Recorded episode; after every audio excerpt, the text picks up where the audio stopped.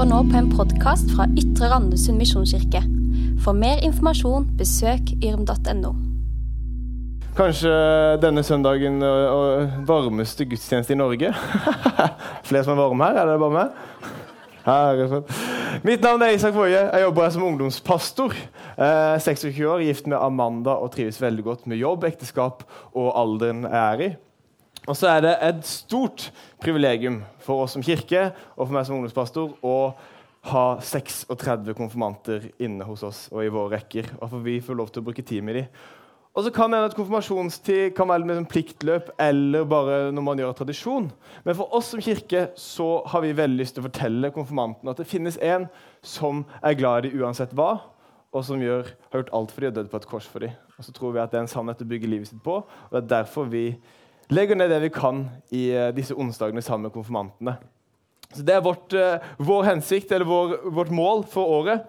Og jeg synes Det er veldig fint å kunne snakke her foran dere i dag. og Det er jo sinnssykt mange, og så er det alle aldre. Så det er liksom, hvordan skal vi uh, snakke til dere?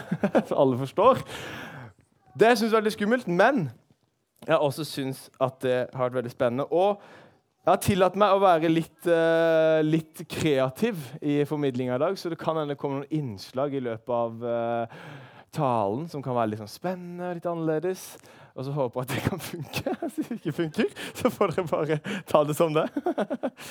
Men vi har i kirka her uh, vi har lyst til å sette fokus i høst på at troa vår dette med Jesus det er ikke bare en følelse inni hjertet vårt, det er ikke bare en tanke inni hodet eller en idé, men det er faktisk noe du kan leve i og leve med, og det er levd liv. Tro er ikke bare en søndagsgreie, det er ikke bare en lørdagsgreie for oss i ungdommen, det er ikke bare en onsdagsgreie for konfirmantene, men det er noe for hele livet. Og Så kan vi ofte gå på gudstjeneste, så kan vi få et eller annet til oss, og så kan vi gå hjem og så har vi kanskje glemt eller var liksom ikke noe mer. Men vi har lyst til å øve oss på å få det vi tror på, ut i handling, så vi kan gjøre noe med det vi tror på. Og I dag så har jeg fått lov til å tale om temaet Guds ord. Denne bibelen, denne boka her. Og Det snakka om for konfirmantene på onsdag. Og jeg sa til konfirmantene at denne boka her, den er mer enn Ludde. for de som leste Ludde. Var det Sindre? Du har lest Ludde, var det sånn? Ja, deg, ja. Og det er mer enn Tassen, for du har også lest Tassen. Ja, De leste jeg da jeg var liten. Tassen og Ludde. og så har jeg tenkt alt jeg kan på å komme på noe med barnebøker som er mer eh, Men alt jeg kom på sånne barneting, er Paw Patrol. Men det er bare det, ja, det er noen som kjente Paw Patrol. Uh, det har jeg sett på med nevøen min. Men vi tror at denne boka her, den er mer enn bare en av disse andre bøkene. Vi tror at den er helt spesiell, og vi som kristne vi legger den til grunn for mye av det vi tror på, og legger den som en byggestein for troa vår. Og mitt, har jeg lyst til å si at Bibelen for oss det er en rettesnor for liv og lære. Og Det er veldig tungt setning. holdt Det var veldig voksent ord. Men vi tror at Bibelen legger et grunnlag for det vi tror på. At det er der vi henter eh, læresetninger, det er der vi henter hva, hva, vi skal tro på. Og disse her, de sentrale tingene bygger vi på Bibelen. Og så sier vi i Misjonskirken at dette er en rettesnor for liv og lære. Vi har lyst til å bygge det på det fundamentet, for vi tror det er så bra. Og så er det et rart ord. Rettesnor. Det er litt sånn annerledes ord. Det er ikke noe vi alltid bruker. Og hva er en rettesnor? Og Da har jeg vært på Biltema og jeg har handla meg en krittsnor. En sånn herlig krittsnor som du snurrer ut, og så kan du snurre den inn igjen. Og nå, nå det her er sånn der Alle som står foran og snakker folk, de later som de kan noe, men jeg kan jo ikke det her. Men når en, sånn, en håndverker murer skal legge seg med mur, så er det veldig fordel å ha den ganske rett. ikke sant? Og det er triks at de tar en sånn snor og ruller den ut, og så får de en rett snor. En murersnor har jeg googla meg fram til at det heter. Og så er jeg uppa gamet litt og kjøpt meg en krittsnor. Uten kritt for dagen, for jeg turte ikke å ødelegge Holte sitt gulv her. For jeg skjønte at det kanskje sitter en inspektør i salen. Men det får bare Og så håper jeg støvsugde opp all makaroni makaronien fra i går, men det får være sånn. Men, men hvor er du, Mathias? Der var Du var helt her borte, Mathias. Har, du har mye sendetid i dag. men hvis du skal ha en rett linje da, og bygge en mur, eller kanskje snekkerne lager sånn på en terrasse hvor de skal ha alle skruene i rett linje for å få det fint, så legger man den ned sånn, inntil bakken sånn, og så løfter den opp, og så får du tak i den, og så slipper han. Boom! Og så kommer krittet, og så får du en rett snor som man da kan skru etter eller bygge etter for å få ting så rett som mulig. Og Så snurrer man inn igjen. Og så tar det litt tid. Og så tror vi at Bibelen er en sånn rettesnor som vi kan, bygge, som vi kan sette opp som en linje for å følge, og så kan vi bygge livet vårt på det. Og så kan det fort da være litt sånn OK.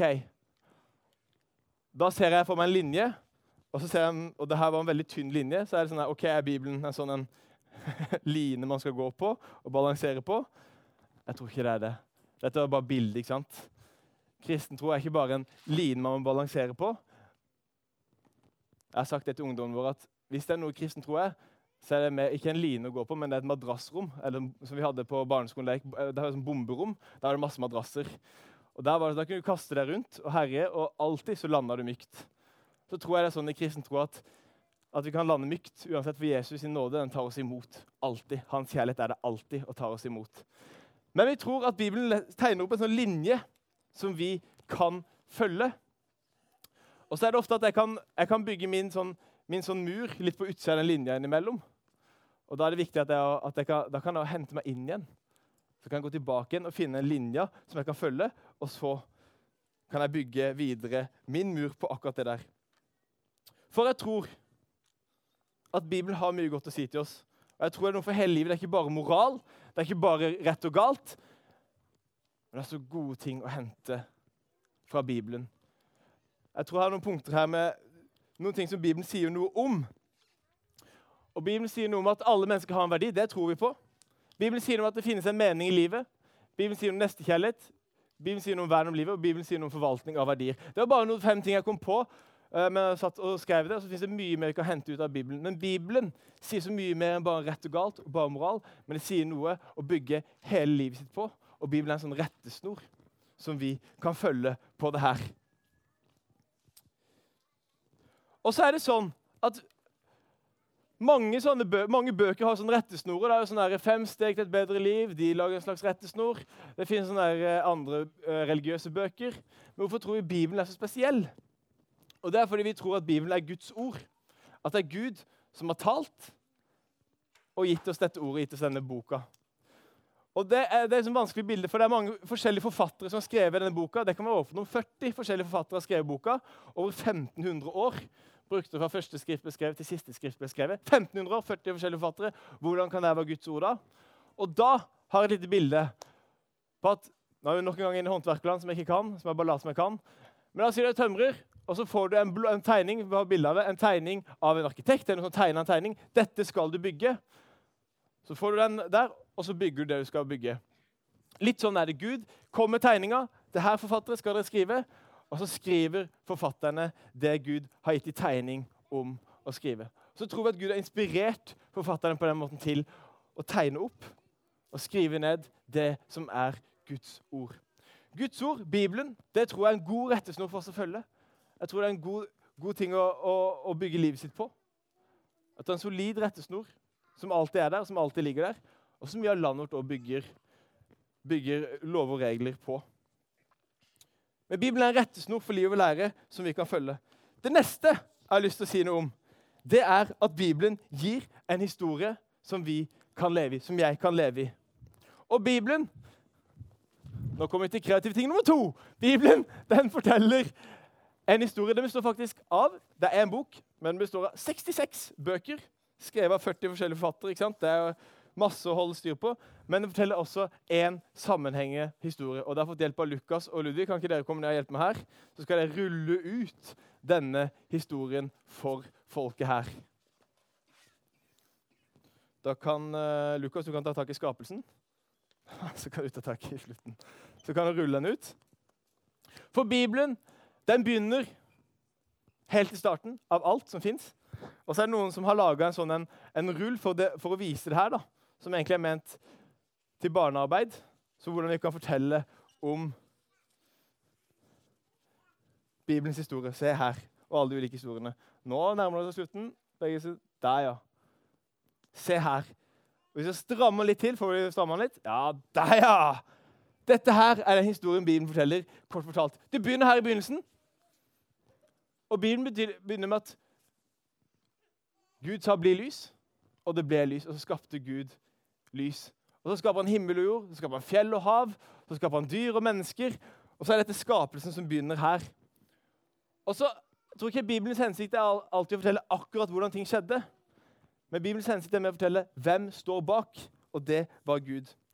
Og så sier vi at Bibelen er Guds ord. Og så tror jeg at det ordet Gud begynte med her Gud sa 'bli lys'. Han sa det ut. Det ordet der er også inne i Bibelen. Det ordet Gud taler ut når han sier 'bli lys', det skapende ordet, det ligger også inne i Bibelen.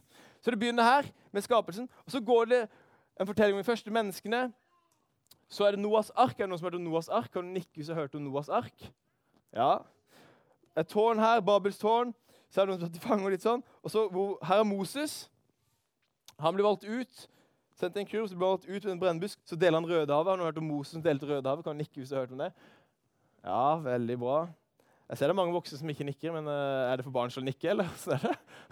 Ja, har vi sett den? Moses får loven, og så fortelles dette en sammenhengende historie. Her er David og Goliat. Den gikk vi gjennom sist gang på Komf. Nå husker David og Goliat, ikke sant? Ja, husker den. Fantastisk. Og så dette her, dette her fram til Her er en spennende historie. Her er bildet av en stor fisk. Og så er det en mann som krabber ut av munnen til fisken. Og Det er en historie om en som Jonah, som ble spist av en fisk og lå i magen i tre dager. Og så ble han spytta opp på land igjen. Hæ? Syk historie. Ja, jeg vet det.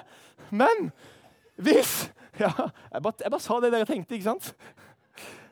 Hvis Gud skapte her i begynnelsen noe jeg tror, tror det finnes gode grunner for å tro, altså gode hovedgrunner for å tro, ikke bare en følelse eller tradisjon, men gode hovedgrunner for å tro at Gud skapte her. Gud skapte alt. At en mann bodde tre dager i magen til fisk. Barnemat for Gud. Ja, men sånn, La oss som helt seriøst. Barnemat for Gud. Så jeg tror det miraklet kan ha skjedd nettopp fordi jeg tror Gud kan ha skapt alt. Og så kommer vi til et skille her. Dette her er Gammeltestamentet.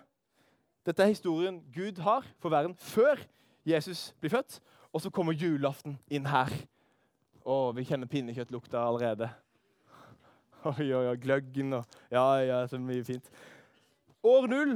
Tidsregninga begynner her. Jesus blir født, og her begynner Det nye testamentet. Og så forteller Bibelen historie om Jesus som blir født, Jesus som er i tempelet, Jesus blir døpt, Jesus kaller disiplene, Jesus gjør under og mirakler. Han stiller en storm, han underviser, han henter en mann som ned fra et tre. Han blir ri inn i Jerusalem, og her begynner påskefeiringa vår. Han deler siste måltidet, han blir forrådt, og så dør han på et kors. Og her er vi på høydepunktet i Bibelens fortelling. Det er Jesus, som er Gud, kommer ned til jorda og dør på et kors for din og min skyld. Så står han opp for de døde på tredje dag. Og Her tror jeg også det finnes mange gode hovedgrunner for å tro at det skjedde, at Jesus sto opp fra de døde. Og så reiser Jesus til himmelen, og her kommer historien om de, de, de første kristne som lever etter Jesus sin døde oppstandelse. Og I denne tida ble skrevet en del brev, og vi kan lese om de apostlenes gjerninger i Bibelen. Og så er det et mellomrom her, og så kommer boka Johannes' åpenbaring om de siste tider. Så Bibelen forteller hele jorda og vår eksistens, skapelse og, og eksistens fra start til slutt. Og så ser dere at her her er det et mellomrom. Her er ledig plass. Og de første kristne de er jo ikke lenger. Det vet vi jo. Vi har ennå ikke kommet dit, Johannes' åpenbaring. Det vet vi jo. Men det er et mellomrom her i den tegninga. Og det er her vi lever. Det er her våre liv kan settes inn. Og vi kan sette vårt liv inn i Bibelens fortelling. inn Her Her kan vi leve. Jeg kan også se for meg at livet er fra null til 90 ca. Er barn, ungdom, student, småbarnsforeldre, størrebarnsforeldre, voksenbarnsforeldre, pensjonist. Og så kommer du til å dø når jeg er sånn 70-80-90. Så er det sånn jeg ser for meg. Start til slutt. Litt sånn kort. Men dette var min lille historie. Men hvis jeg setter den inn i denne store historien, så får det helt annet perspektiv. Jeg skal stå litt til. Jeg skal nærme seg. Det kom et bilde av en gammel mann på skjermen her. Det der det er min tippoldefar, Per O. Woie. Og han jeg har familie fra Vegårshei, og Per O. Woie var pastor oppe på Vegårshei fra 1908 til 1936. Da tok han over menigheten oppe på Vegårshei, som familien min kommer fra. Og jeg har aldri møtt han, for han, han døde i 1938. Så det var jo noen og 60 år til jeg ble født. Men jeg, lese, jeg leste om han i en bok som menigheten har skrevet. Og det å lese om min tippoldefar, som var forstander som det heter på Vegårshei, pastor i menigheten der i 28 år, det gjorde noe med min historie og mitt liv. Å vite at det lå i genene mine eller det lå i blodet mitt. I familien min så har det vært pastorer før. Det som jeg var så usikker på hva jeg skulle gjøre. det som jeg visste ikke hva jeg skulle gjøre. Men så tok jeg hans historie, og så kunne jeg se meg sjøl. le fortsatt denne historien som han begynte. Og så, kan jeg sette, så ble det på en måte at her var liksom tippoldefar Per. Og så kunne jeg fortsette denne historien som familien vår forteller. Og så ga det meg et helt nytt perspektiv på livet mitt. Og sånn kan vi også gjøre. Vi kan leve i lys av en større fortelling, og det er den fortellingen Bibelen forteller. Nå Lukas og Ludvig, kan dere rulle bare brettene fort sammen og legge bak her, og så kan vi gi en applaus. Bare brettene kjapt sammen. Godt jobba. Godt jobba.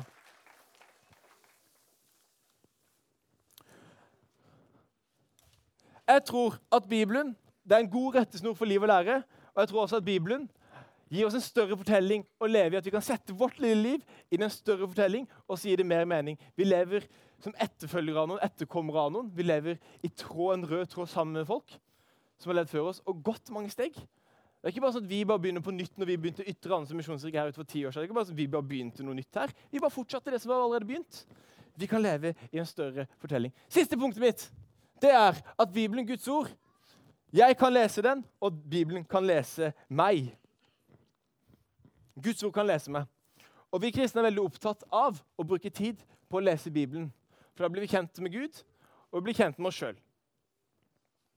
Og så tror jeg det er bra å, å, sette seg ned med Bibelen og lese litt i den. Og dykke litt ned i den. Men så tror jeg også at på samme måte som jeg kan lese Bibelen, så kan Bibelen også lese meg. Noen ganger så Det står i Bibelen at i hebreerne så står det Guds ord er levende og virkekraftig og skarpere enn noe tveget sverd. Det trenger igjennom til det kløver sjel, ånd, marg og bein og dømmer hjertets tanker og planer. Litt voldsomt, men det det bare sier, er at Guds ord det kan tale til deg, det kan lese og tale til deg, og så kan det korrigere oss. Og Med tanke på den rettesnoren så kanskje jeg er på vei ut sånn, så kan Bibelen korrigere meg. Og det er ikke bare på ting jeg gjør galt, av moralsk dårlige ting, men det kan også være på ting på et dårlig selvbilde. Kanskje ikke se på meg sjøl som Gud ser på meg. For eksempel så kan jeg være irritert på kona mi og bli sur på uten god grunn. Ofte er det jeg som er problemet selv. Men så leser jeg i Bibelen det vi leste i uh, bryllupet vårt i Korinterne, at kjærligheten er tålmodig. Og så treffer Bibelen meg. Ah, stemmer det, kjærligheten tålmodig? Nå var ikke du tålmodig, Isak. Og så leser Bibelen meg og korrigerer meg. Jeg kan være irritert på vennene mine. Og så leser jeg i Bibelen at åndens frukt, det som vokser i livet mitt som en konsekvens av at jeg bruker tid med Gud, det er overbærenhet. Og da må jeg la meg korrigere det. Er greit. De irriterer meg, men overbærenhet, det må jeg vise vennene mine. Og også så kan den korrigeringen handle om at jeg synes at jeg sjøl er ingenting. Jeg bare taper, jeg er null. Egentlig ikke så mange som bryr seg om meg. Det er ikke så mange som er glad i meg. Men så kan jeg lese i Sefania at når Gud ser meg, så fryder og gleder han seg over meg. Og jubler med fryd som på en høytidsdag når han ser meg. Og så kan han korrigere selvbildet mitt. Jeg kan dra meg selv ned, men så kan Gud komme inn og Bibelen kan komme inn og korrigere selvbildet mitt. Og så kan jeg føle meg lite elska og aleine og si at ingenting som står i romerne, ingenting kan skille meg fra Guds kjærlighet. Ingenting kan skille meg fra Guds kjærlighet. Og Så kan Bibelen komme inn og korrigere meg på det, og så taler Gud til meg gjennom det ordet. Jeg kan lese Bibelen, og Bibelen kan lese med. Jeg tror Bibelen er til for å leses og brukes. Jeg tror det gir rettesnor som vi kan følge. en god rettesnor. Jeg tror det er en historie vi kan leve i. Så tror jeg også at Bibelen må kunne få lov til å tale til oss og korrigere oss litt når det trengs. Guds ord kan også høres på mange forskjellige måter. Vi skal nå høre en sang, synge en sang sammen som heter 'Du sier'. Og den sier noe om hva Gud tenker om oss. Den kan også korrigere oss dette er kul lovsangstid. Nå kan jeg komme opp. Du sier den kan korrigere oss, for den sier noe om Guds tanker om oss. Når jeg sier selv jeg er svak, så sier Gud at jeg er sterk, og sier han har styrke. Når jeg sier at jeg er aleine og ingen er glad i meg, så sier Gud at ingenting kan skille deg fra min kjærlighet. Så sier Gud disse tingene over våre liv, og på den måten kan Gud tale til oss gjennom musikk og gjennom det ordet som de synger der. Så da synger vi 'Du sier' sammen. Vær så god.